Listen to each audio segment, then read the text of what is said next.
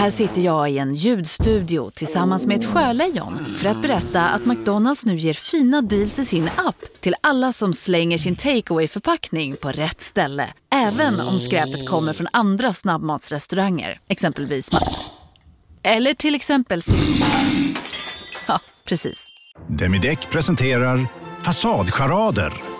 Dörrklockan. Du ska gå in där. Polis? Effektar? Nej, tennis tror jag. Pingvin. Alltså, jag fattar inte att ni inte ser. Va? Nymålat. Men det var många år sedan vi målade. Demideckare målar gärna, men inte så ofta.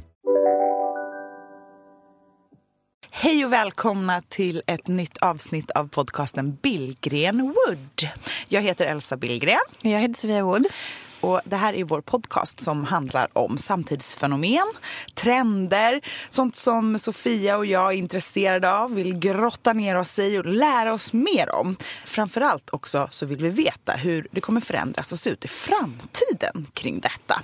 Och dagens tema kallar vi för kärlek i en digital tid. Och med det så menar vi hur den digitala verkligheten och livet här, IRL, på något sätt har flätat samman och påverkar oss både på gott och på ont. Välkomna!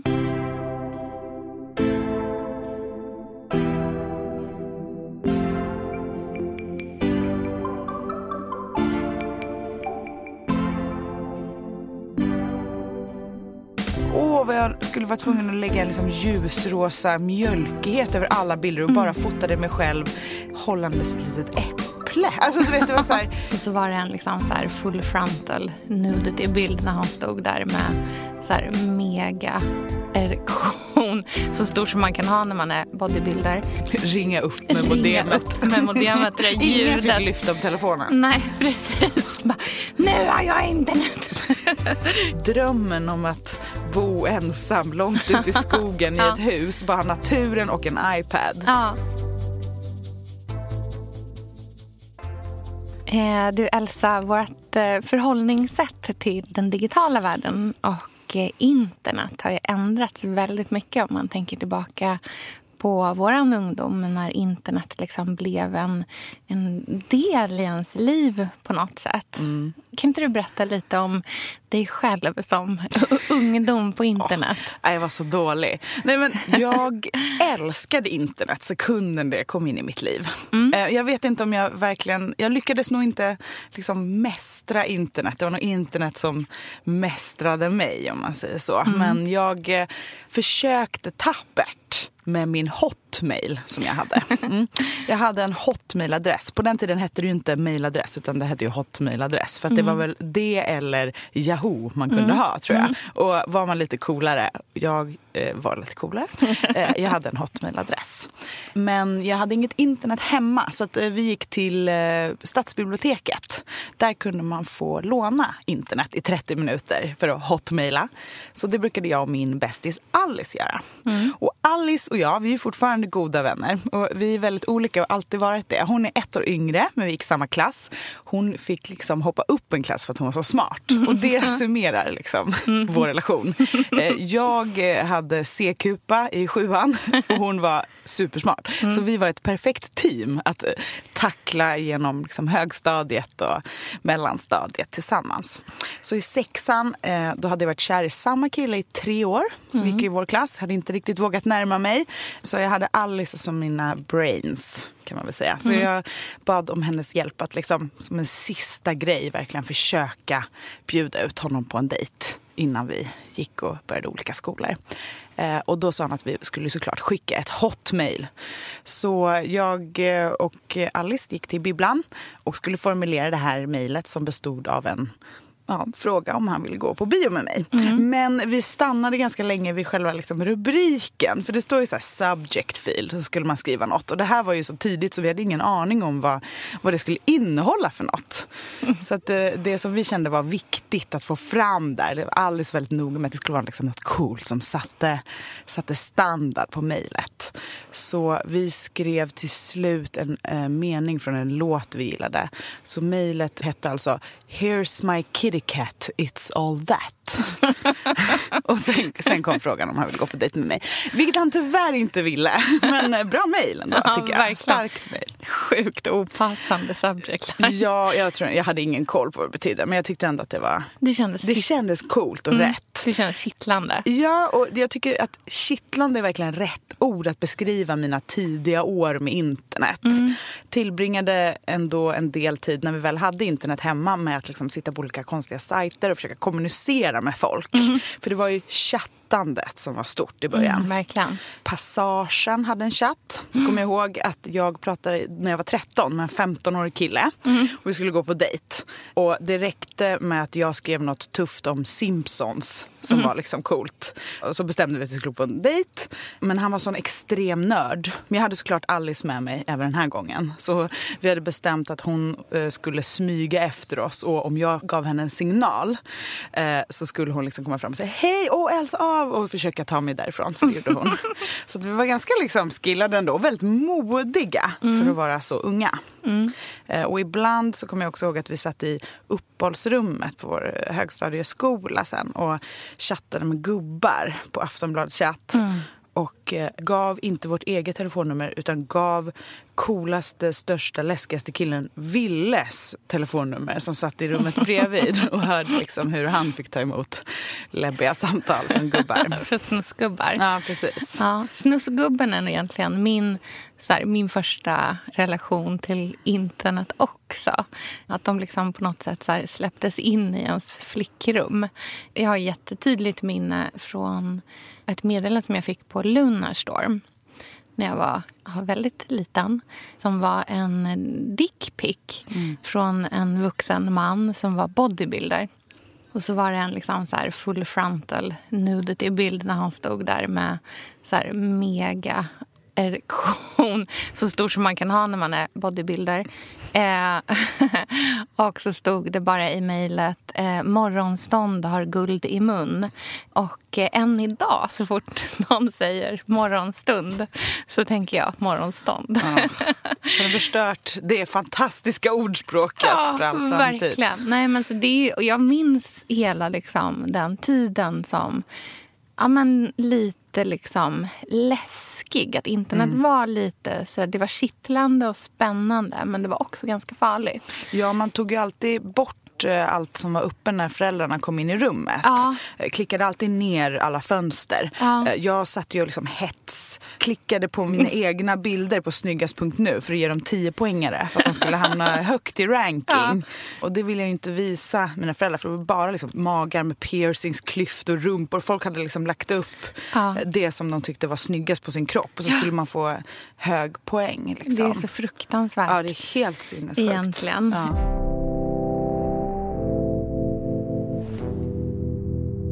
Men eh, samtidigt så kan jag också vara så här, alltså om jag tänker på hur det är att vara tonåring idag. Eh, när man är liksom helt akklimatiserad till en digital värld. Liksom, det egentligen nästan inte finns en verklig värld och en digital värld som är skilda från varandra. Utan att det är ju idag eh, helt ja, men inblött i varandra, tycker jag. Ja, men jag tänker ändå att så här, vi kommer nog väldigt enkelt undan här. eh, Med tanke på att internet inte glömmer någonting. Eh, så lite som finns dokumenterat av ens ungdomssynder ändå, tänker jag. Men ja, men det var väldigt eh, speciellt hela den första tiden. Och att man liksom hade ett väldigt så här, ja, men en, lite oskyldigt förhållningssätt. Och eh, att det kanske framför allt handlade om att liksom prata med en person eller eh, folk som man kände. Ja, det kändes lite hemligare. Som att man eh, befann sig i en liksom hemlig värld där ingen kan se. Jag kommer ihåg att jag tyckte det var så otroligt häftigt med alla som ICQade eller pratade på Messenger. För det innebar att de hade så starka, rika sociala liv. Och mystiska, hemliga vänskaper. Mm. Och det var stor skillnad från innan det fanns, när man var tvungen att ringa varandra eller knacka på. Mm. Det var så mycket mer här är jag, utlämnande. Men så fort det gick att ha så hemliga konversationer över chattar så blev det svårare med vänskaper, tycker jag. Ja, och sen så tänker jag att så här, det var ju också väldigt mycket en värld som föräldrar inte kände till riktigt på samma sätt. Generellt så är det ju ändå så att det är ju liksom de unga människorna som adapterar sig till nyheter mycket snabbare eh, och är mer eh, liksom akklimatiserade för det. Och det hände ju mycket saker där som ens föräldrar liksom absolut inte förstod eller eh, kanske liksom skulle få se. Och ibland så fick man ju även liksom pappaporren. Eh, det här fruktansvärda i att liksom komma hem till någon och ringa upp, liksom, eh, använda modemet och Ringa upp med ringa modemet. upp med modemet. Det Ingen fick lyfta på telefonen. Nej, precis. Bara, nu har jag internet! jag minns det så himla väl. Eh, och just att man fick vara så himla kort tid på internet också. det var så dyrt. Svindyrt! Ja, det var en halvtimme, max inte en sekund mer. Liksom. Men, eh, men just den här liksom, att så här, öppna browsern och sen så laddas det sakta upp någon fruktansvärd sida som någon pappa hade varit på. Eh, jag minns det just hemma hos vänner också. Liksom, att det var ja, men väldigt eh, eh, trubbigt förhållande till, till hur man beter sig på internet. Jag är fortfarande väldigt rädd att öppna folks laptops Ja. hemma hos dem. Jag gör inte det. Nej. Jag har varit med om, jag, jag är ärrad från det om man säger så. från vissa hemsläp där man, någon har lämnat förfesten lite för tydligt så att säga på skärmen. Ja. Ja. Det gör man inte om två gånger. Så jag, jag håller labbarna borta från de där laptopsen hos folk man inte känner. Någonting som jag tänkte på eh, jättemycket med liksom när så här, internet blev av större intresse för en. För jag kan ändå känna så här, att den här liksom första tiden så var det ju liksom verkligen ett så här, en liten specialgrej. Men det kanske inte var liksom så här att det drog jättemycket. Men det som blev en väldigt så här framgångsfaktor i det för gemene man. Och nu pratar jag liksom inte om så IT-industrin och IT-bubblan och allting sånt. Utan jag tänker bara för ens liksom privata förhållande till det. Var ju när bloggen kom. Mm. Jag tänker på liksom resedagboken. Det måste ha varit den första liksom, bloggportalen. Ja, men jag tror att det, i Sverige så var det en av de första. Eh, och just där att liksom kunna följa folk på det sättet. Det är roligt att det inte hänt någonting eftersom Nej. det enda bloggare gör idag är att åka till Tulum. Precis. Och sen så var det ju också så, det här tycker jag också är intressant med den här tiden, är att de som liksom så här blev väldigt duktiga på internet, om man får liksom, eh, säga det på det sättet, var ju ett gäng bloggare som faktiskt har gemensamt att de alla är kvinnor. Eh, jag tänker på Ebba von Sydow, Sofie Farman, Elin Kling, Isabella Lövengrip som då gick under Blondinbella och många fler där till. Men alla de här var ju relativt tidiga med sina bloggar. De var, ingen av dem var först, men de var tidiga med att bli väldigt, väldigt stora. Och de var Eh, ju stilbildare i sina genrer. Verkligen. Och eh, samtliga är ju otroligt framgångsrika idag. Mm, även som entreprenörer. Ja, verkligen. Och har liksom tagit inte sitt liksom, kändisskap eller den här liksom, plattformen som de själva har byggt upp till någonting helt annat idag. Jag läste ett, eh, jag tror att det var ett Instagram-inlägg eh, idag senast som handlade just om så här, den bespottade influencern. Liksom hur lätt det är att man ser ner på, på den här typen av eh, personer idag. Ja, men att det skulle vara liksom så här självupptaget på något sätt. Men eh, det är ju Två människor som har en sån drivkraft att så här, skapa sin egna plattform. Eh, jobba på det sättet man gör. Aldrig stänga av. Det är ju liksom ett, ett otroligt entreprenörskap. Liksom. Ja, allting handlar ju om i vilken tid man växer upp. Alltså, De här bloggarna skulle säkerligen eh, vara väldigt framgångsrika inom de segmenten som de arbetar i, det vill säga mode, skönhet, journalistik. Men i och med att det var en eh, bloggbubbla precis då så var ju det det perfekta forumet. Det är bara att det, det finns ju någon form av... Man gillar att eh, hejta på kvinnor som visar upp sig själva. Det är sånt lätt byte att göra det. Eh, men det är också det som är styrkan i bloggen och det var ju därför bloggarna som kom där i början på 2000-talet fortfarande är starka så här 20 år senare. Det är för att man ser det som en spegel till sig själv. Det här är ju någonting där man verkligen kan få kontakt och se sitt eget liv genom den här skärmen. Och liksom plocka inspiration, eh, analysera och eh, ja, få med sig någonting som man kan applicera på sitt eget liv. Just det. När började du blogga? Jag började blogga 2008 i Ja. december. Så det är tio år i år. Ja, vad härligt. Ja, det får bli någon form av fest. Ja. Verkligen. Kan inte du berätta lite om varför du gjorde det? Hur det var då? Ja, alltså jag bloggade ju faktiskt på Beyond Retros blogg först. Mhm. Det var liksom Mm. min första blogg. Eh, och det var ju för att jag var pressansvarig på Beyond Retro. Så det var en, en av liksom uppgifterna i mitt jobb. Mm. Eh, det var en sån här klassisk, bloggar är hett, vi måste ha en blogg. Mm. Eh, så det var väldigt fria tyglar. Och det älskade jag. Och jag tror att det var det som gjorde att jag liksom blev kär i blogg fenomenet. Liksom, Att driva blogg. För jag hade inte läst en enda blogg. Jag var inte intresserad av att läsa bloggar. Men jag var intresserad av att skapa. Eh, och jag jämförde det jättemycket med när man gick eh, liksom, bild på gymnasiet eller högstadiet och fick uppgifter som var väldigt så, fria tyglar men jättemycket verktyg. Eh, att man fick en liksom, specifik timme så skulle man skapa något och det här är vad du kan använda dig av. Så såg jag internet och den här liksom, blogg portalen som jag hade till mitt förfogande. Eh, Och den här butiken full med vintagekläder och de som jobbade där i. Eh, Och så hade jag min kamera. Så jag kunde liksom använda mig av medarbetarna, kläderna, kameran och mina idéer. Och skapa någonting som skulle hjälpa företaget att visa upp sina produkter. Eh, Så att jag gjorde jättemycket liksom knasiga och roliga temafotograferingar med kläderna. För jag tyckte att kläderna var så bra att de kunde tala för sig själva. Så att då började jag blogga där. Och sen så eftersom jag jobbade med press så hade jag mycket kontakt med journalister som ville låna grejer och göra reportage om vintage och så. Och en journalist som jag träffade ofta hette Emma och jobbade på L. Och hon läste den här Beyond Retro-bloggen. Var också väldigt intresserad av vintage och såg att det var på G upp. som någonting som folk skulle bli intresserade av. Så hon frågade om jag ville börja blogga på L. Eh, och jag tror att jag tackade ja ganska omgående. Just för att jag såg det som en möjlighet att få vara kreativ. Inte som en möjlighet att få visa upp mig själv. Det var verkligen inte det som lockade. Utan att vara tvungen att komma på saker varje dag. Eh, Jag är uppvuxen med, liksom, min pappa har alltid sagt till mig att så här, det finns två typer av människor. De som gör och de som inte gör. Eh, Och det viktiga är att hålla sig till att vara en av dem som gör. Så jag har alltid haft det som ett ledord, att göra. Liksom, skapa och kreera. Och det passade mig väldigt bra för att det fanns så Liksom, det var ett sånt vitt ark. Och eftersom jag fick ganska bra respons fort så var ju det verkligen som gödsel. Det var också skönt att få lite riktning på att man såg hur många kommentarer det var på vissa typer av inlägg. Så kunde man forma innehållet på det sättet.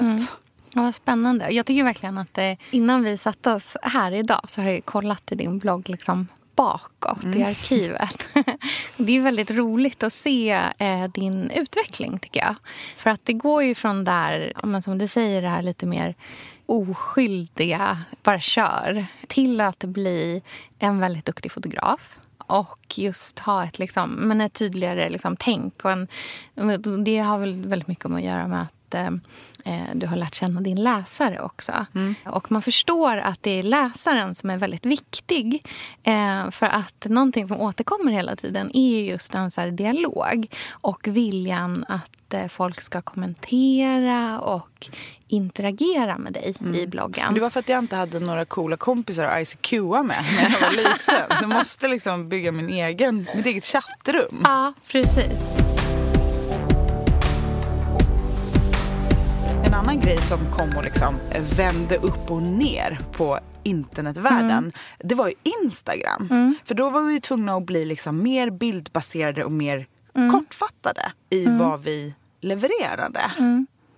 Ja, jag håller med. Alltså, vet du, Facebook och Twitter var ju liksom inte... Alltså, det, det är ju tidigare än Instagram och har vi ju haft liksom enorm eh, succé, verkligen. Men jag tror för vår målgrupp, så här, dig och mig eh, så är ju Instagram verkligen det som har varit den så här, primära eh, kanalen och en så här, drug of choice. Men ser du dig som en eh, bildskapande eller en textskapande person? Eh, jag är mycket bild, tror jag. För din Ehm. Instagram är ju väldigt stark. Den ser ju väldigt kurerad ut och väldigt eh, eh, genomtänkt. Ja. Hur går tankarna när du ska lägga upp en bild? Tänker du först så här, nu behöver jag lägga upp en bild? Mm. Eller är det att du ser något fint? Och tänker du då, har jag lagt upp något liknande nyss? Alltså hur mycket tittar Mm. Hur mycket du på tänker det? man på feeden? Ja, liksom, lite du? så. Nej, men jag utgår nog nästan alltid eh, från bild. Det är klart att man kan fastna i de där tankarna om att så men gud, har jag inte lagt upp någonting på tre dagar eller vad det nu är. Liksom. Eh, jag borde lägga upp någonting. Men samtidigt så känner jag så att de grejerna som man lägger upp som är sprunget ur det är sällan de som är så bra. Liksom.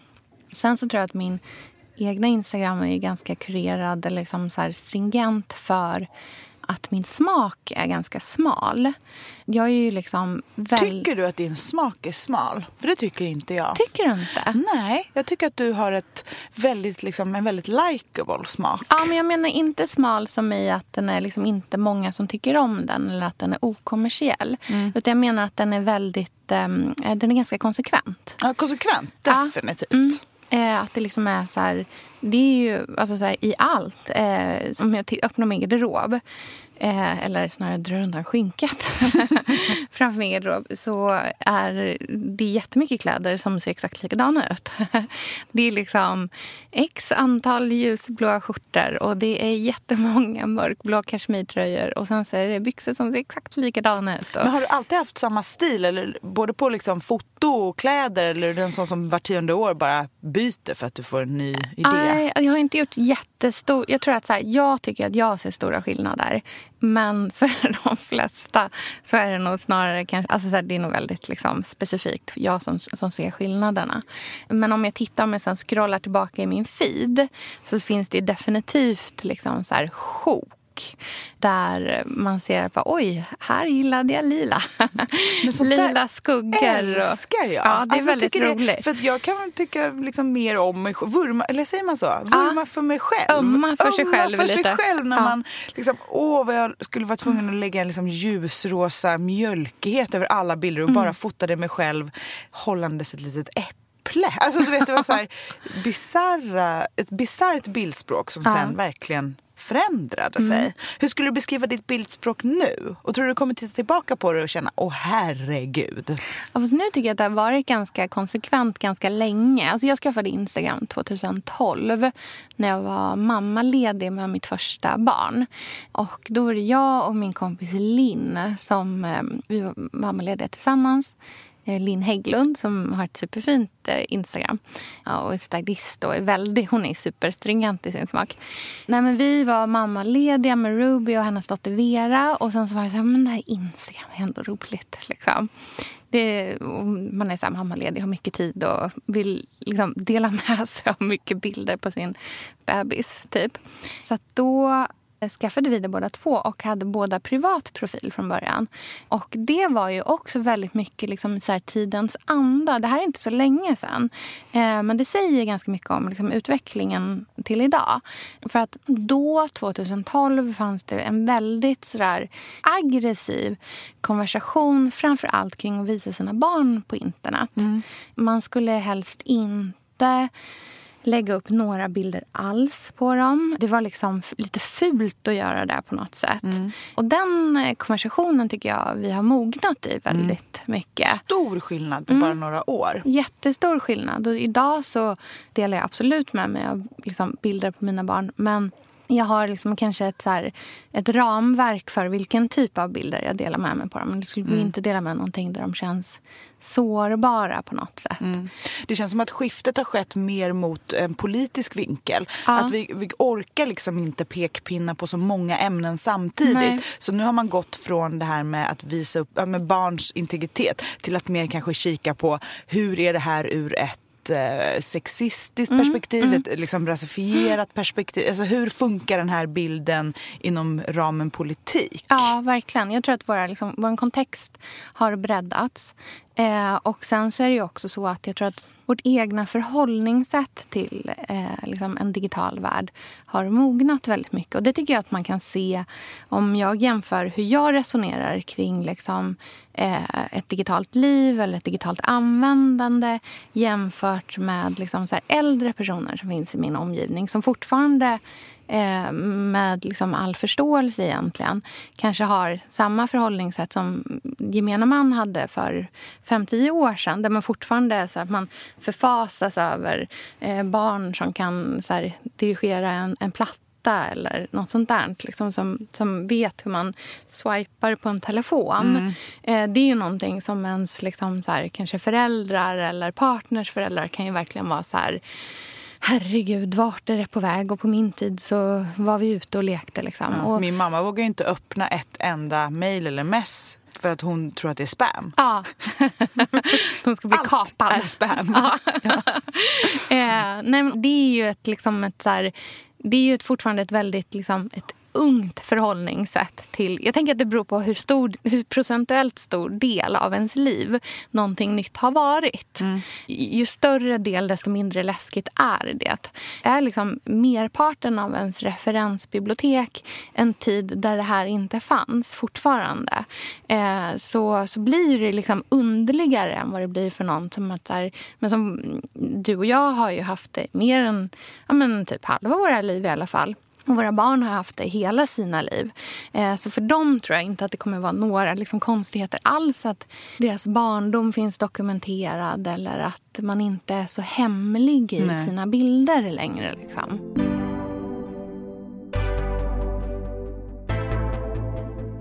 Och det här tycker jag också gäller som PR och marknadsföring. Om Mm. man tittar på den äldre generationens oförståelse till till exempel Instagrams makt. Mm.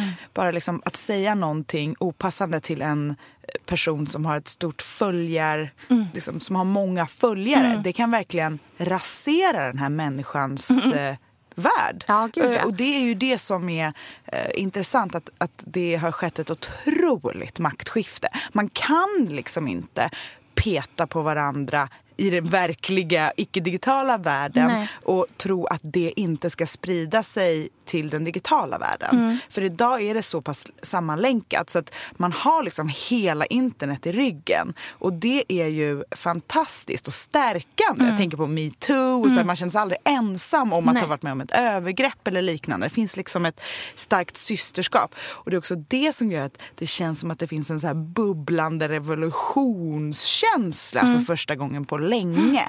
Eh, Man sitter inte ensam längre och liksom chattar med en galning på passagen. Nej, utan man är en del av ett community. Mm. Precis. Ja, nej men det är en jättestor eh, skillnad. Eh, och jag tror att Ehm, just det här liksom, communityskapet är en del av att vi är inne i det här liksom, paradigmskiftet just nu mellan den digitala världen och den verkliga världen. Där de liksom inte är... Om de inte är diktan så är de en och samma nästan. Att man liksom inte skiljer på det. Jag tror att den här bilden av den ensamma människan som man har förfasats över. Den, så här, den ensamma människan bakom en skärm.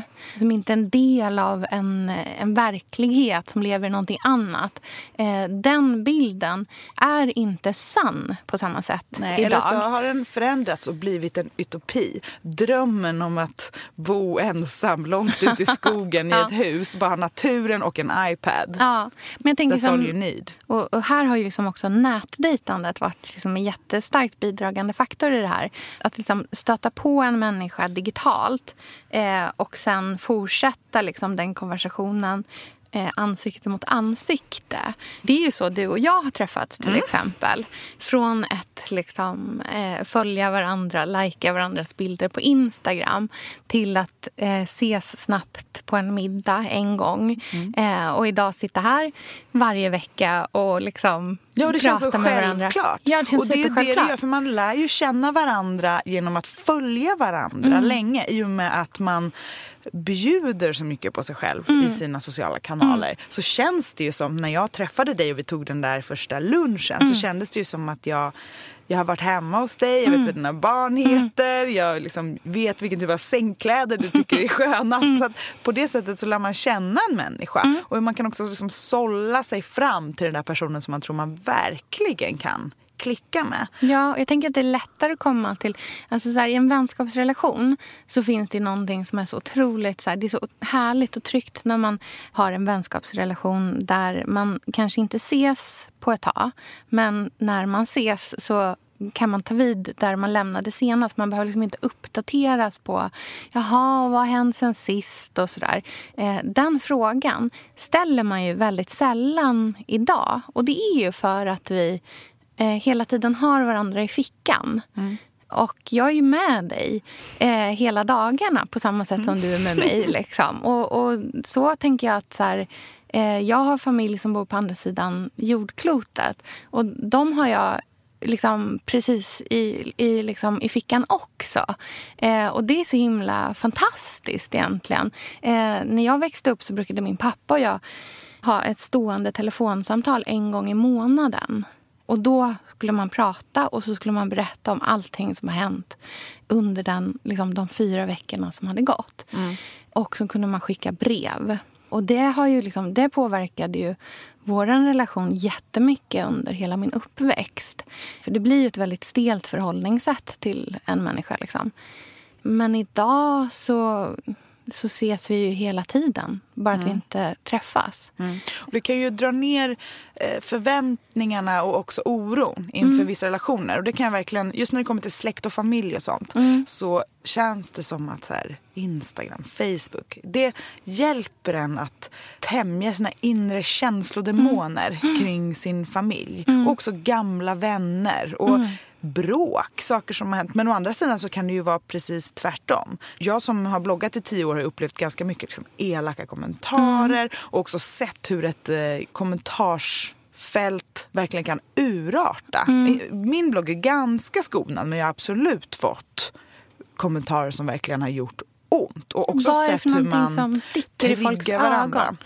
Vad är det för alltså, något som folk går igång på och blir sura över? Ja, liksom? det kan ju vara lite allt möjligt. Alltså, det kan ju vara allt från missförstånd till mm. grejer de bara rakt upp och ner inte håller med om. Mm. Och det kan man ju absolut... Alltså, på något sätt tycker jag att det är fantastiskt att man kan ha en diskussion med en människa på liksom, någon helt annanstans mm. och verkligen kom, lära av varandra. Mm. Men ofta så handlar det om hur vi kommunicerar. Mm. Det finns liksom undertoner i text som är så svåra att få fram öga mot öga. Mm. För vi är så lärda att visa respekt till varandra öga mot öga mm. eller typ gå därifrån. Mm. Eller liksom vara mm. väldigt så. Men i ett kommentarsfält kan man hänga kvar och peta och trycka på de här ömma punkterna mm. om och om igen. Och, liksom, och framförallt så är man ju så himla lätt byte i och med att man har delat med sig så mycket av sig själv. Mm. Eh, så det är så lätt att trycka till mm. någon som är så öppen. Mm. Jag förstår verkligen vad du menar. Jag tänker också att det här är också en mognadsprocess som vi har till stor del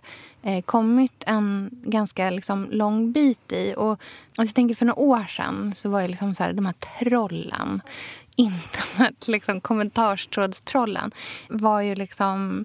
Eh, man förfasades ju över hur liksom, elaka eh, folk kunde vara och hur oemotsagt det var. Eh, Medan idag tänker jag ganska mycket att det finns ju absolut fortfarande väldigt mycket troll. Mm. Men vi är väldigt generellt sett väldigt duktiga på att upptäcka dem. Mm. Och jag tänker att så här, när, när man läser i så här, en kommentarsfält på ja, men någon typ av influencer som kanske har en lite mer liksom, eh, utmanande tonalitet som uppmanar till liksom, diskussion eh, och så kommer det in någon och skriver någonting superelakt. Då är fem personer där jättesnabbt mm. och säger så här, liksom att ja, det är ju nästan alltid så här, Lena, 53. Mm. så här, gå och lägg dig, ditt internettroll. Typ. Mm. Att mm. folk har blivit ganska mm. snabba på att här, poängtera till det och trycka till det. Mm. Och det ser vi, det finns ju liksom Facebookgrupper som går in och jag tänker som vad heter den här Jag är här. Som går in och i så här, främlingsfientliga framförallt trådar mm. och liksom inlägg går in och backar eh, den som blir utsatt. Eh, och att de är en jättestor grupp som går in och gör det specifikt. Men det som är deras enda syfte är att liksom finnas där för, för den som blir utsatt. Jag tänker till exempel på mm, jag minns den här Åhléns-reklamen som var är det ett eller två år sedan. Med den här lilla pojken, eh, en mörk pojke som var Lucia. Just det. Mm. Han blev ju utsatt för otroligt mycket liksom, främlingsfientliga, eller bilden av honom som Åhléns la upp blev ju liksom nerlusad av människor med liksom vidriga människofientliga åsikter. Liksom, Just om ja, men rasister, helt enkelt. Mm. En svart pojke får inte vara Lucia helt enkelt. Nej, precis. Att det var fel både liksom, utifrån att han var en pojke och att han eh, inte såg liksom, eh, arisk ut. Och att så här, vad hände med våra svenska traditioner? Massa så här, fullständig skräp och skit, verkligen. Och, och, och folk går in och kommenterar det. Och liksom, helt utan... Man kan ju hoppas att de inte tänkte det, men det gjorde de säkert också. Men just att man liksom så går in och skriver fruktansvärda saker om en riktig människa om, och en, ett, ett litet barn. Ja, men det skulle aldrig hända om de såg honom på Lucia-tåg på deras barns skola Nej, men man eller kan ju någonting. hoppas det i alla fall. verkligen. En stor del hade väl aldrig ens vågat. Liksom. Men, eh, men, och då att det så bildas grupper med folk som går in bara för att så här backa och visa Mm. att så här, jag, jag stödjer liksom, den här personen som blir utsatt för det. Och det är Mm. en jättefin utveckling tycker jag. Verkligen. Eh, och det cirklar ju tillbaka till det här community-skapet som vi pratade Men där om. är det så otroligt viktigt att rensa upp. Mm. Att liksom rensa upp kommentarsfält. Eh, och också för företag att inse att man inte kan lägga upp vad som helst. Nej, man måste man har ett liksom, ansvar. Mm. Ja, ett oerhört ansvar tänker jag. För det finns ju någonting lite liksom, man måste ju veta i bakhuvudet när man eh, gör vissa kampanjer Mm. vad, det, vad det finns för skräp där ute Mm. av människor som kommer liksom röra upp. Så att man är med på det och verkligen sitter aktivt. Mm. Så att det blir trygga platser. Det är ju skitviktigt. Ja, och där finns det många saker som man kan göra. Dels kan man ju liksom som företag faktiskt så här, vara medveten i vad man gör. Och eh, jag tror att man så här, generellt sett, liksom, marknadsföring idag är ett mer komplicerat liksom, yrke kanske än vad det har varit tidigare. Jag jobbar jättemycket med sociala medier. I liksom, jag är marknadschef. Eh, och eh, eh sociala medier och liksom så här, digital kommunikation överhuvudtaget är ju en jättestor del av liksom, eh, mitt jobb. Eh, och innan jag var marknadschef så har jag jobbat specifikt med sociala medier eh, också. Så att liksom från att ha gått till liksom haft en ganska så här, eh, ett oskyldigt eh, förhållande till internet så har ju det verkligen blivit mitt jobb också. Och jag ser det ju liksom väldigt mycket ur ett så här, företagsperspektiv också. Hur man kan liksom förhålla sig till det. Hur mycket eh, faktiskt så här, försäljning man kan driva genom det. Att det liksom inte bara handlar om att liksom lägga upp fina bilder. Utan att det verkligen är så här, det gör skillnad i, liksom på sista raden i en budget om man är duktig på det här som företag. Att man kan engagera sin, sin liksom följare. Det är ju också en, så här, en utmaning kan det vara liksom internt i en organisation att så här, förklara hur viktigt det här är. Och hur mycket pengar vi kan tjäna på att vara bra på det här. Hur mycket vi kan hjälpa vår kund att förstå vårt erbjudande och liksom så här anpassade efter vad det är för någonting som kunden faktiskt vill ha. Och när jag gör så här Powerpoint-presentationer i början på ett... Eh, när, man liksom, ja, men när man börjar på ett, på ett nytt ställe eller man ska liksom berätta för en ny grupp om så här, så här ska vi jobba med det här.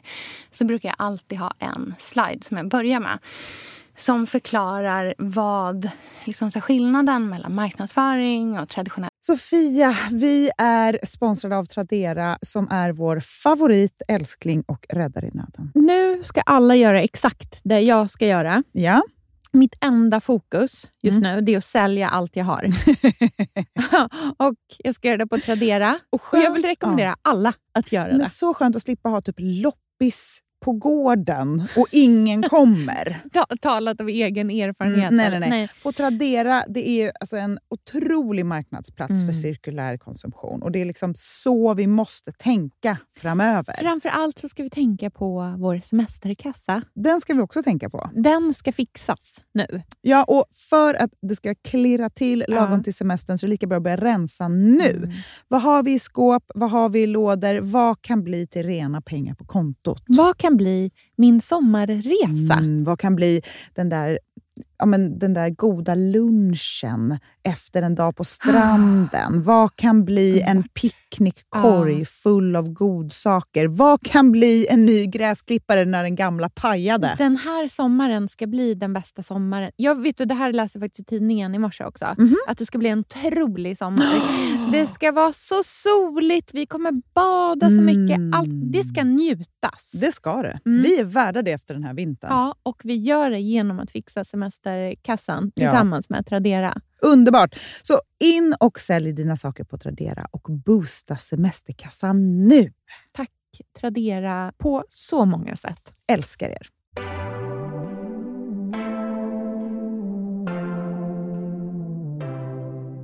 Annonsering, och PR och, och sociala medier. Eh, och Den är så himla talande. Vi kan lägga upp den här på vårt eh, Instagramkonto också. Eh, men, men den är väldigt intressant. Och Det är eh, en, liksom, en tecknad bild. Eh, så är den uppdelad i fyra rutor. I den ena rutan så står det så här, This is advertising. Och då är det siluetten av en man som säger till siluetten av en kvinna I'm a great lover. Och sen i nästa ruta så står det eh, This is advertising. Och då så är det samma siluett som säger till samma siluett igen I'm a great lover, I'm a great lover, I'm a great lover. Eh, och sen så kommer nästa ruta och då står det This is PR. Och då är det en ny silhuett som säger till samma liksom, kvinnosiluett Trust me, he's a great lover. Alltså att det är ett annat medie som mm. berättar det för dig, som en tidning. Eh, och sen så kommer man till sista rutan där det står eh, This is social media. Och då är det kvinnan som säger till mansiluetten I hear you're a great lover and here's some other feedback I also have. Och det är så himla så talande för så skillnaden mellan liksom vad det här faktiskt innebär.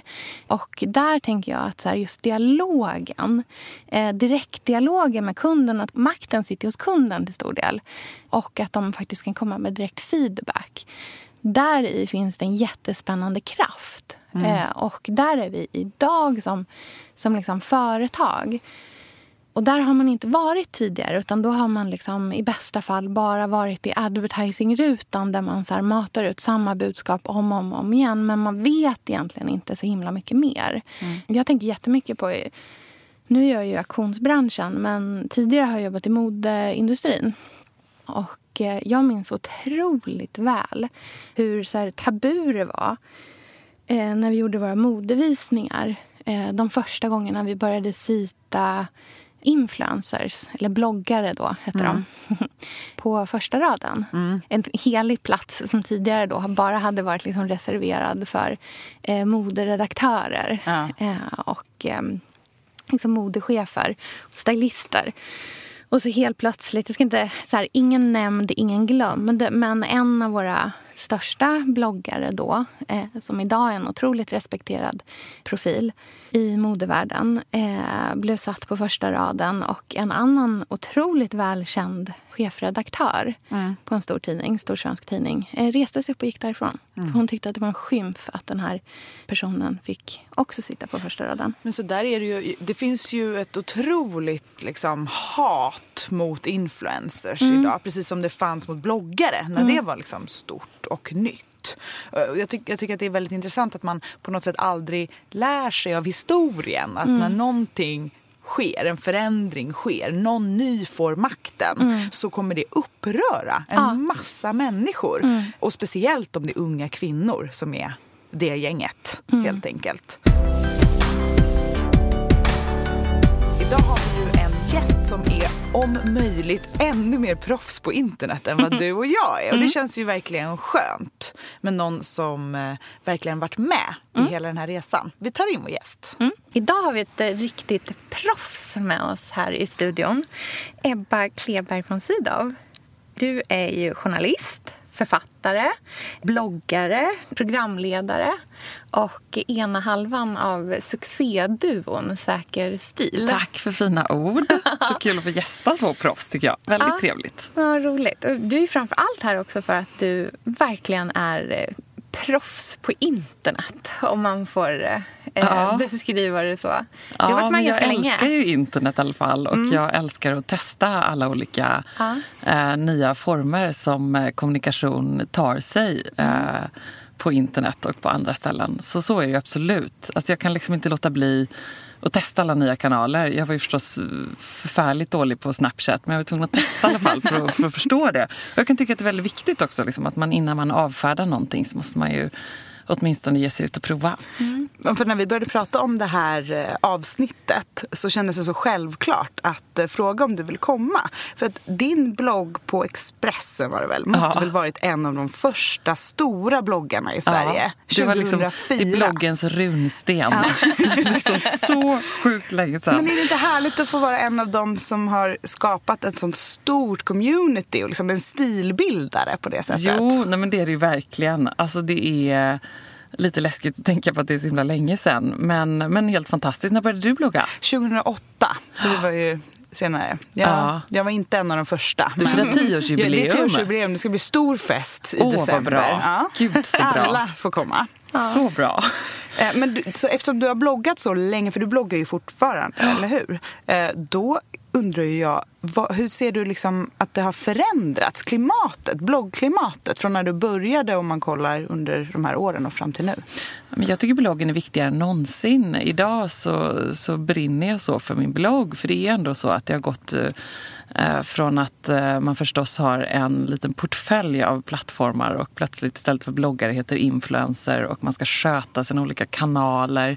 Men bloggen är ändå någonstans det som i alla fall jag som är en skrivande person i grunden eh, har så mycket eh, kärlek till. Det är så otroligt eh, kul och utvecklande och svårt och jobbigt. Jag sa senaste eh, till en kompis i morse som funderade på att starta en blogg. Jag bara nej, gör det inte. Gör det inte. Det är som ett svart hål som aldrig tar slut. Så man måste fylla, fylla och fylla. Och det är ångest. Men det är någon slags hatkärlek tror jag jag har till det. Det måste ju du också känna ibland. Att så här, Ja. fasen, det tar aldrig slut. Nej, man måste ju ha mycket idéer och liksom Ja. pepp och inspiration. Så är det ju. Och det är därför blogg är ett härligt forum på det sättet man får ganska bra kontakt med läsare. Ja. Eh, Och till skillnad från andra forum på internet så är man ju tvungen att liksom skriva någonting lite från hjärtat när man kommenterar på en blogg. Det blir lite längre kommentarer, lite mer ett samtal. Ja men verkligen. Och så kan jag tycka just ändå ur ett äh, affärsperspektiv ändå att bloggen äger du. Jag, väl, jag väljer att blogga på min egen plattform. Äger mitt eget material, mina bilder, mina texter. För det är ändå så att äh, man jobbar på andras plattformar när man är på Instagram och Facebook och sådär. Så därför tycker jag också den är viktig förstås.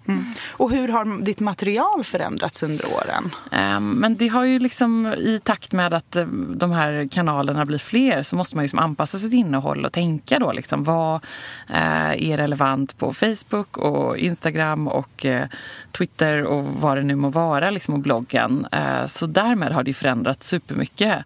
Ehm, Men, eh, men det, ja, jag vet inte, det är väl ändå det att man liksom fortfarande älskar man skrivande så är ju bloggen så viktig, eh, tycker jag.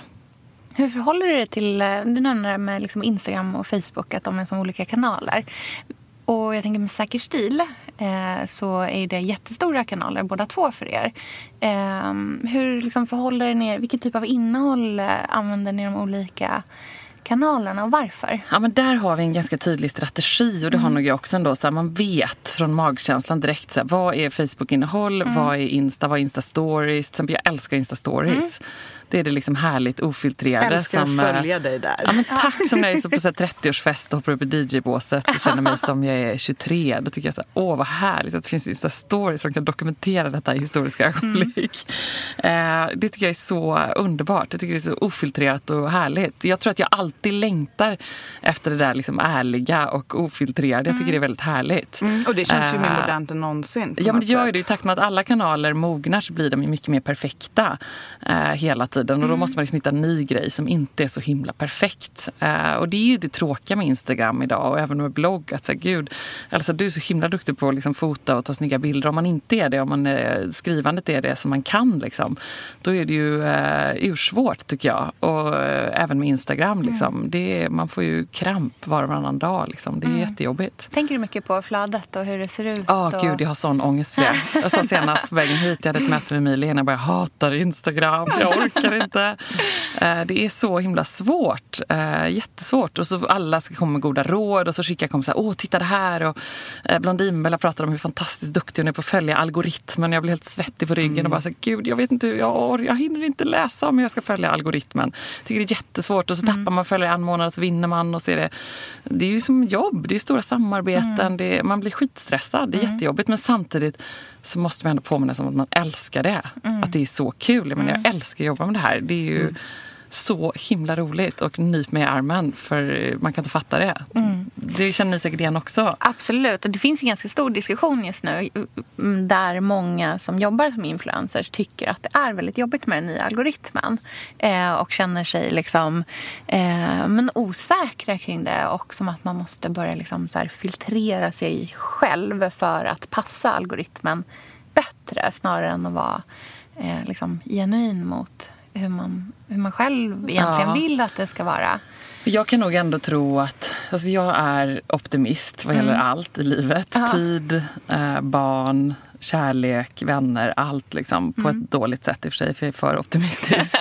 Men liksom där tror jag ändå så här, det måste ju ändå vara så att det, det goda vinner. Att man någonstans så här, måste ju ändå vinna på att göra det som man ändå tycker är bra och lägga upp en fin bild när man vill det. Och känner man sina följare och tror att de ändå också tycker att det är lite härligt så måste man ändå fortsätta med det. det Jag tror det är lite farligt att börja tänka mer på algoritmen än på de där människorna som man ändå eh, drivs av att inspirera och eh, eh, sätta lite guldkant på deras vardag. Vare sig det är en eh, sjuksköterska eller bibliotekar eller vad det nu kan vara som har liksom en liten procent av säker stil i sin vardag. Och då kan det vara att promenera till jobbet och lyssna på vår podd eller att scrolla på Instagram på eh, kvällen när man egentligen ska sova eller vad det nu kan vara. Eh, och då måste man ändå tro att så här, ja men jag tror det. Det låter lite klyschigt, men man måste fortsätta med det som man bara känner att det här är ju det jag vill göra. Jag håller med dig om det. Jag tror också att det är det som är liksom, eh, nyckeln någonstans. I alla fall till att kunna liksom leva med det i det långa loppet Ja. och känna att det känns roligt hela tiden. Liksom. Men som konsument då? Känner du att du har liksom förändrat din konsumtion av sociala kanaler under tiden? Eh, ja, men det har man ju absolut. Eh, det kan vi väl alla skriva under på, liksom, att eh, vi är ju idag helt eh, eh, fantastiskt förfärligt uppkopplade eh, hela tiden. Så jag menar, min konsumtion är ju helt enorm. Liksom. Jag, ibland undrar jag hur jag hinner. Eh, jag fattar inte hur jag kan hunnit se typ djupt ner i Netflix djupaste arkiv alla serier som finns och eh, hinner liksom eh, gå in i ormgroparna i Instagram bland vänners vänner som jag inte känner som jag bara, va? Har hennes pojkvän har en öppen profil? Kväll är gjord! Ja, det är verkligen så. Så härligt! Så ibland undrar man ju då, men då kanske det är bra att man jobbar med det för att då eh, kan man ursäkta sig för det när man sitter där på något random konto. Hur eh, tänker du kring så här, privat kontra personlig på, på sociala medier eller digitala kanaler överhuvudtaget? Ja, men det tycker jag är jättesvårt. Jag tyckte du skrev så himla bra om det, Elsa, i din blogg någon gång när du skrev om eh, med barn och hur man förhåller sig till det. Just eh, eh, ett inlägg som handlade om just att så här, det är inte så himla lätt att vara så konsekvent. Och vad ska man göra? Jag vet inte. Jag kanske är rätt, jag kanske är fel.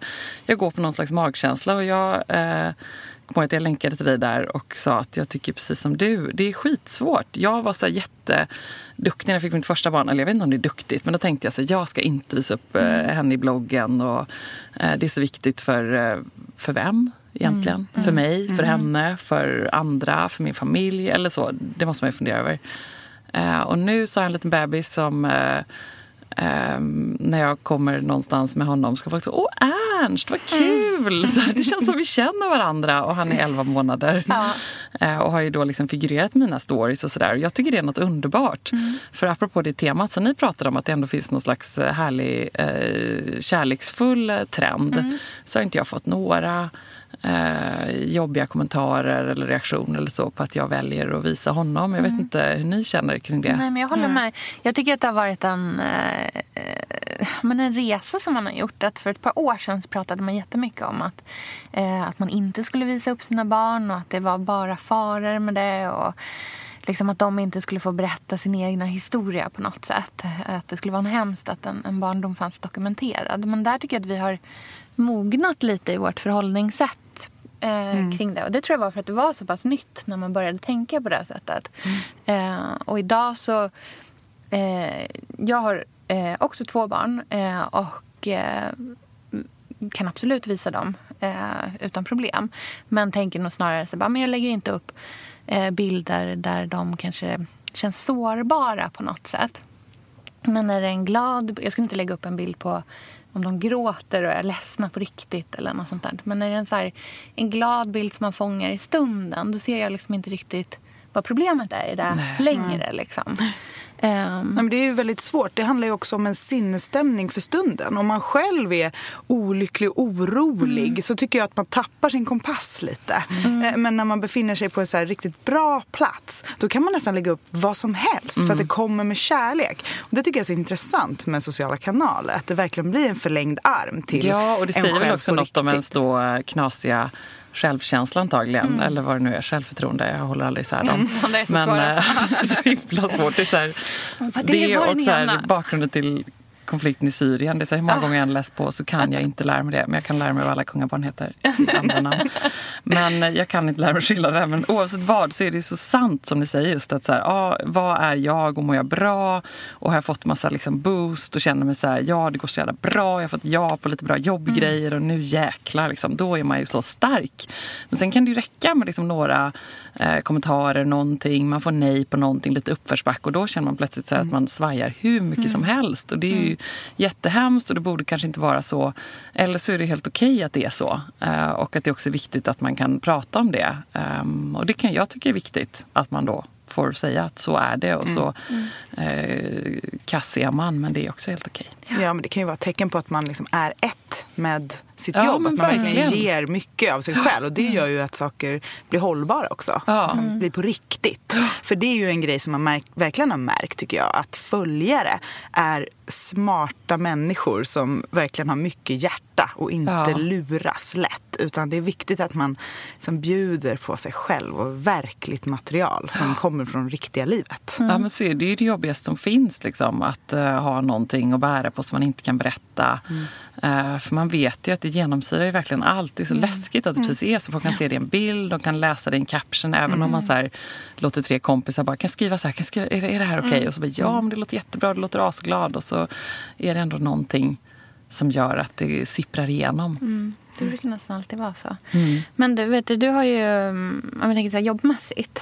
Eh, när du eh, började blogga och när du var liksom, eh, ja, när du jobbade på fri, Expressen Fredag och så. Då var ju du liksom bara du, varumärket du. Eh, och du fick ju ta en hel del Alltså, du fick ju väldigt mycket uppmärksamhet. Jag minns dig som en liksom jätte, så här, stor personlighet verkligen. Som ja, men för mig verkligen fångar den, den tiden. Eh, men du fick ganska mycket hat också. Eh, det var ganska tufft, tänker jag ändå, där liksom, i, den, i den tiden. Liksom. Ja, jo, men det fick jag absolut. Supertufft och, eh, och liksom en berg och dalbana. Men eh, eh, det läskiga är ju att med åren så blir man också så här, man blir starkare men man blir också svagare för att man får mer och mer perspektiv på livet. Så på ett sätt var det nog ganska bra att jag var eh, liksom eh, 23 eh, och eh, inte var sårbar på det sättet som jag är nu med barn och med eh, familj. Och liksom, det finns så många punkter som är mina eh, fruktansvärt ömma punkter där jag blir liksom helt galen eh, och skitledsen. Och det hade jag inte riktigt dem på det sättet då. Eh, kan jag se tillbaka på nu, då kände jag förstås inte... Man kan inte säga till en 23-årig eh, sig själv att så här, eh, det är inget som är jobbigt, för du vet inte. Alltså, ja, det där är den hopplös, hopplösheten i, i livet. Ehm, men så jag kan ju också se tillbaka på när jag bläddrade i Gamla Expressen Fredag. Jag städade någon låda häromdagen. Och se så här, gud så himla smal och eh, liksom perfekt utifrån alla mallar och eh, regler. Och ändå så kände jag liksom bara hela tiden så här, åh gud, jag passar inte in och hjälp och liksom, jag kommer inte i provstorlekar. Jag måste, nu ska, nu ska jag på det på nästa torsdag. Jag ska inte äta till på torsdag så kanske det går och så åt jag ändå för att jag kan inte inte äta. Och så är det liksom, alltså, Man tänker så här, hjälp vilket eh, snabbt snurrande hetsigt hjul som jag var inne i. Men också väldigt kul och jag tror ändå att jag någonstans har något så ganska, eh, står ganska stadigt på jorden. Så, där. så det gjorde ändå att jag kunde, liksom. ja en grundtrygghet som att jag ändå kunde eh, ösa på mitt jobb och liksom jobba på bra och eh, hela tiden försöka liksom ta vara på chanserna och sen blir då chefredaktör för Veckorevyn och liksom dra runt det och så fortsätta och börja jobba med tv och liksom hela tiden försöka eh, jobba på. Så det mm, funkar ju ändå, men det är inte alltid lätt. Nej. Och nu är du en del av en duo. Är det lättare då? Ja, men det är eh, fantastiskt. Det är så himla roligt. Och eh, eh, Det är nog också en resa att nå dit och att man hittar någon som är liksom i samma fas i livet ungefär. Och Det är en viktig del för Emilia och mig med Säker stil. Att eh, eh, Vi är ungefär eh, i samma fas.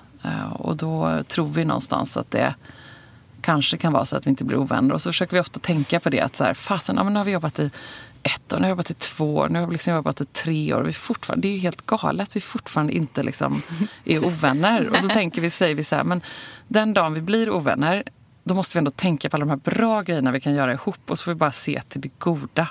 Att liksom, och även så säger vi till varandra, så här, Gud, om du, nu, nu fattar jag att jag är jätteirriterande och att du blir sur på mig bara för att jag kommer 40 minuter för sent. Men, men tänk att nästa gång får du göra det och då lovar jag inte bli arg på dig. Alltså att man liksom hela tiden försöker så här, öppna Bra spjällen. här. Ja, men du vet, så här, det är liksom eh, hela tiden. Och det är i och för sig en grundgrej som jag alltid tänker och har gjort genom åren, ska jag säga, apropå det där. Att, liksom, åh, det, att inte vara så himla eh, perfekt, det är ju liksom att ge någon annan en present. Så. Och så tänker vi mycket. Eh, ja. Ni är oerhörda förebilder och och Verkligen. verkligen, inspiratörer. Ja, men vi har så roligt. Det är liksom bara att köra på. När vi poddat varje vecka i två och ett halvt år. Herregud. Eh, det är banne mig mycket det jobb med det, men det är så kul. roligt. Det att ni så har kul, roligt. tycker jag. Ja, det och vi känns- hinner liksom inte, vi, vi boostar varandra och peppar varandra. Eh, Vi, inte, vi umgås inte liksom, eh, utanför privat på det sättet och Mm. äter inte brunch med familjerna på helgerna, vilket jag också tror är bra. Mm. Eh, och så kan vi ses liksom efter någon har varit borta och så bara pang så börjar man prata om 10 000 jobbidéer och det är Mm. så roligt. Vi är lyckliga workaholics. Gud vad härligt. Och vi Ja. önskar er Och alla... också att man får den där som då säger sen när man har varit med. Du är asbra. Jag såg den dumma kommentaren. Ja. Eh, skit i det. Så att man har en ventil, liksom, en personlig kommenterare som bara skickar massa bra kommentarer till en. Det är bra. Elsa, Det kan ni också göra med varandra. ju. Elsa är en fotfetischist som jag är helt besatt av att se när han kommenterar om hennes gulliga fötter. Skickar alltid här, härliga screenshots Gud, på jag hans har också. kommentarer. Undrar om det är samma. Det är Du, de, de, är, de växer på träd där ute på internet. Så jag bara, Hjälp. Så roligt. Ja, men han kanske han är nog snäll i grunden. Han älskar bara fötter och de är alldeles speciellt. Alla får finnas Sjukt på internet. fötter. Ja, eller? Eh. Men du, tack så hemskt mycket för att du ville komma och prata med oss Ja, idag. tusen tack. Nu ska jag gå och fixa vårsnygga naglar. Åh, Åh, gud vad härligt. Ja, lyx. Jag tror att det blir ljusgrått och Ja. ljusblått. Ah, Ja. mm, låter, Ja, låter underbart fint. tack så mycket Ebba.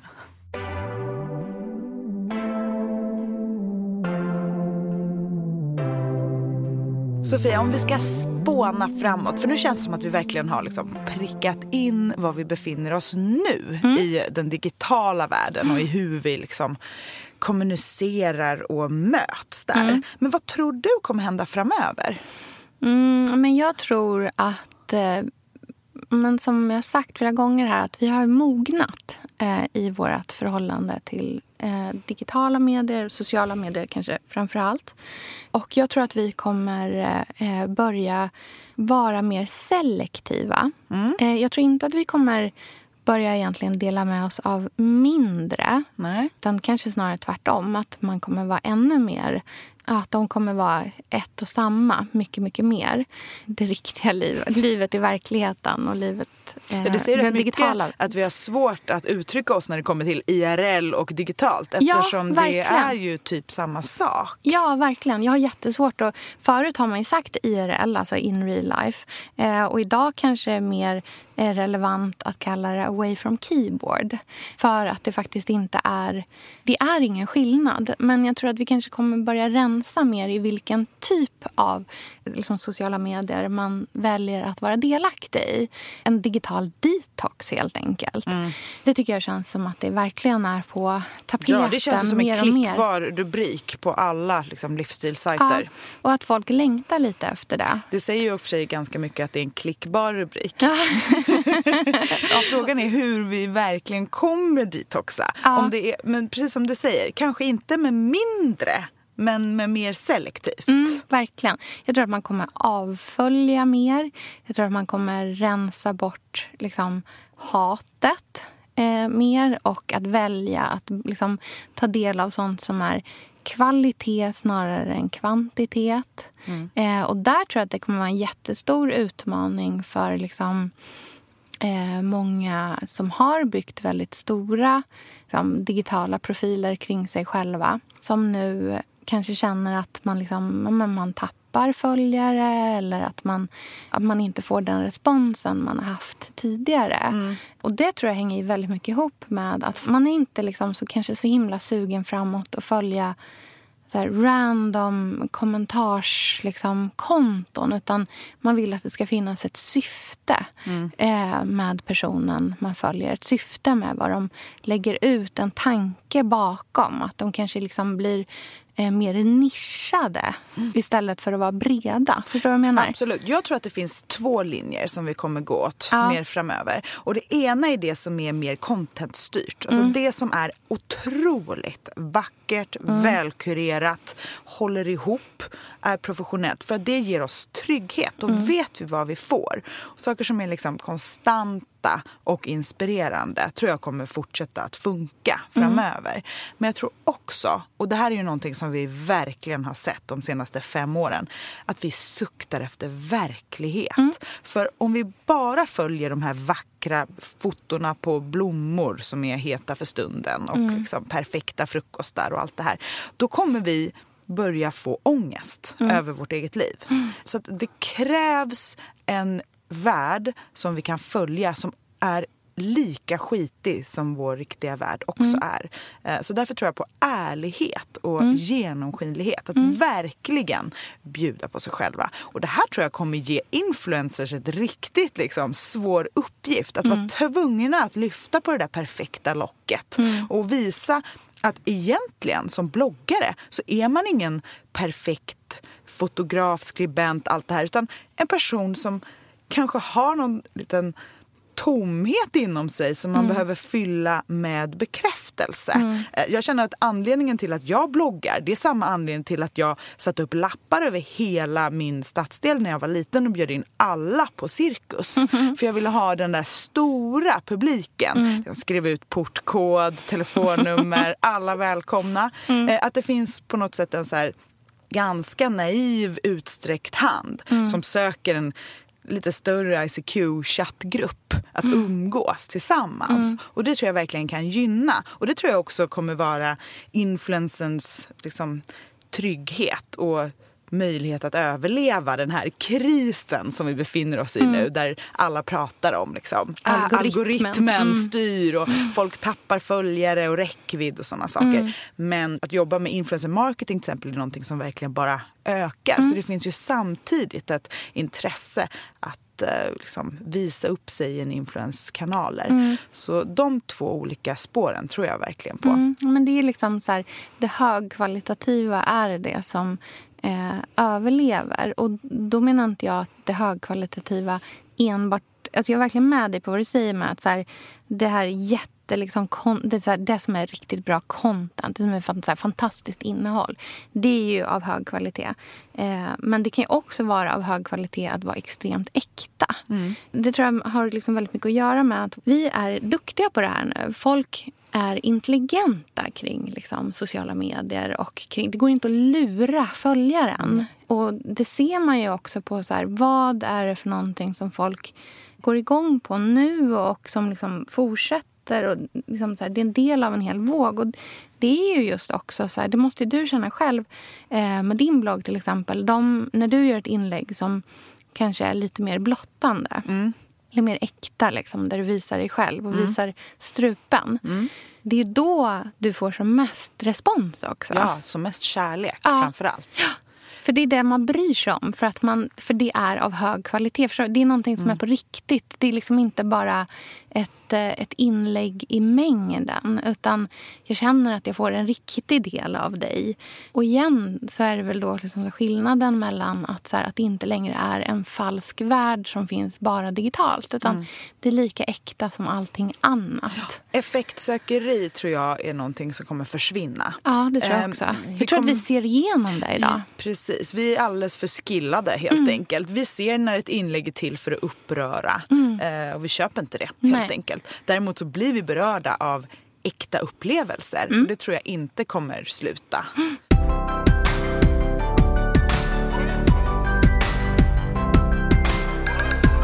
Vi pratar ju också om kärlek i en digital tid. Mm. Och det handlar om relationer på olika sätt. Men det är intressant tänker jag med appar som Tinder och Grindr som verkligen har beskrivit de senaste årens sätt att mötas. Mm, och innan dess, eh, ja, sådana som fortfarande finns visserligen, men jag tänker på så Match.com och alla de här liksom dejtingsidorna. Mm, det har ju skett en stor förändring mm. i hur man ser på folk som har mötts eh, på den typen av sajter mm. eller appar. Mm, verkligen. Eh, från början så, så var ju den nästan någonting lite skämmigt. Dels att man höll på med nätdating var ju någonting som folk... Det var lite smusslande nästan. Och hade man träffat så och faktiskt blivit ett par. Eh, när man får den här frågan, så här, hur träffades ni? Då var det alltid lite med en, liksom, en disclaimer innan om så här, ja, det var lite tokigt. Ja, och vi träffades faktiskt på, på nätdating eller vad det nu kunde vara. Mm. Eh, och...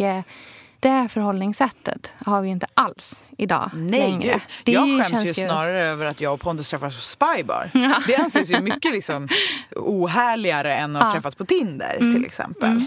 Där finns det också två olika utvecklingar av det. Eh, många av de här apparna nu idag är ju verkligen så här, ja, men, jag vill få ett ligg ikväll-appar. Eh, Medan det också finns de här mycket liksom seriösare eh, sidorna. Du har någon kompis som träffades på MySpace, Ja, det är så roligt för det är verkligen så här, de första som jag eh, vet som träffades online träffades ja. på MySpace. Just det, det här du berättade, det är så gulligt. Ja, att han var musiker i Paris mm. och hon fotograf här i Sverige men älskade hans musik. Eh, och så började de prata där och sen så träffades de och nu har, har de varit ihop i tio år, har mm. barn och lever tillsammans. Gud vad roligt. Sverige. Jag måste berätta, jag fick höra världens finaste historia.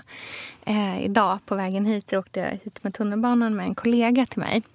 Eh, och eh, hon är en fantastisk kvinna. Hon är väldigt intelligent och liksom så allmänbildad. Jättehärlig. Så stod vi och pratade om... För hon är, ganska, hon är nygift.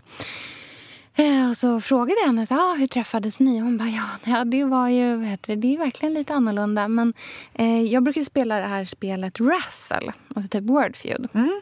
Ja, jag började spela det och jag var liksom rätt duktig på det. Så jag, det gick riktigt bra för mig. Jag, hon spelade mot alla möjliga. Folk som hon kände, men så började hon också spela mot folk som hon inte kände.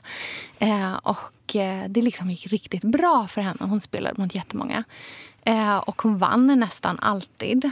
Och sen så var det en spelare som också var superduktig. Eh, och eh, de två spelade mot varandra hela tiden och det var alltid väldigt så här, jämnt. Eh, men hon visste inte vem det var. Hon visste inte om det var en man eller en kvinna eller någonting. Liksom. Hon hade bara någon liten emoji som sin profilbild.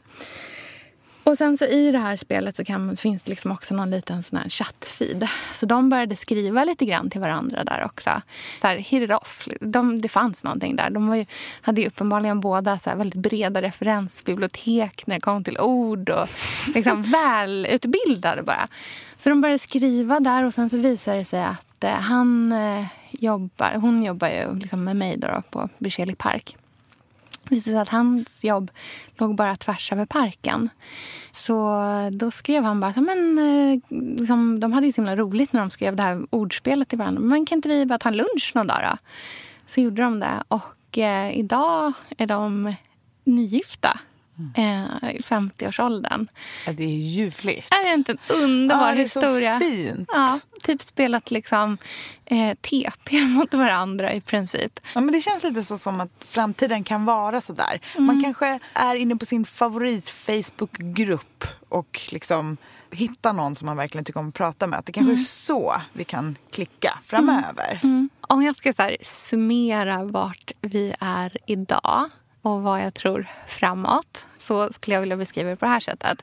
Att eh, vi började som barn. Eh, liksom oskyldiga, naiva. Och eh, med tiden så kom vi in i tonåren där eh, man kanske är liksom lite elakare. Det finns mer syrlighet. Det är lite mer utmanande. Ytligt och liksom stressande. Man är stressad över liksom den här verkligheten att det var så viktigt allt som hände där och liksom så känslan av att alla såg en. Ja, men så som det känns att vara en tonåring. Eh, man egentligen är ganska egocentrisk hela tiden. Eh, och nu har vi mognat och blivit liksom vuxna människor. Och nu har vi kommit in i en tid där det är liksom kvalitet före kvantitet. Det är kanske liksom från Candy Crush till ljudbok. Mhm. Och då, det som är intressant, det är ju vad händer med ålderdomen? Vilka blir vi framåt?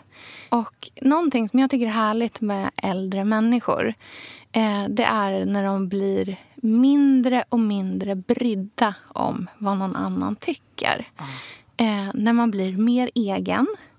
Eh, när man gör sin egna grej och man är inte så liksom, eh, begränsad av vad andra människor ska tycka. Utan man är ganska liksom, man är egen och man tillåts vara egen. Det finns ju ingenting man älskar så mycket som bilder på liksom, Iris Apfel och så här coola, tokiga, knasiga kvinnor i liksom 80-årsåldern som totalt har spökat ut sig och skiter fullständigt i vad någon tycker. Eh, och eh, jag tycker att det vore väldigt spännande om vi kunde bli lite mer så eh, i, våran, liksom, i våra digitala liv också. Eh, och göra mer utifrån känsla och mindre utifrån vad vi tror att någon ska tycka om vad vi gör. Att vi blir mer äkta. Eh, och att vi vågar vara cowboys på internet i framtiden. Gud vad härligt. Man skjuta lite från höften. Lägga upp bilder på grejer man gillar. Inte vara så rädd. Mm, exakt, precis så. Jag ser fram emot den tiden. Det känns som att det blir roligare att vara på internet. För just Tror nu så kan jag känna att det är lite jobbigt ibland. Mm. Det är lite tryckt stämning. Eh, Jag Mm. är liksom sugen på, ja men jag har tagit bort Facebook-appen redan. Mm. Jag börjar avfölja lite på Instagram. Jag vill ha ett flöde som ger mig energi och pepp. eh, Visar vackra saker men inte stressar mig. Men då och då, då vill jag ha något som liksom kommer från höften och skakar om mig. Mm. Riktig liksom vitamininjektion. Mm, verkligen. Jag Vi får med. lägga upp någonting sånt på Billgren Wood vara liksom de första cowboysarna. Verkligen. Men det är viktigt spännande samtal. Långt samtal idag. Ja, Mm, men det blir härligt. så ibland. Det är härligt. Det finns mycket Nästa att vecka om. kanske vi pratar om någonting helt annat. Mm. Tack så hemskt mycket för att ni lyssnade. Verkligen, tack. Vi hörs. Hej.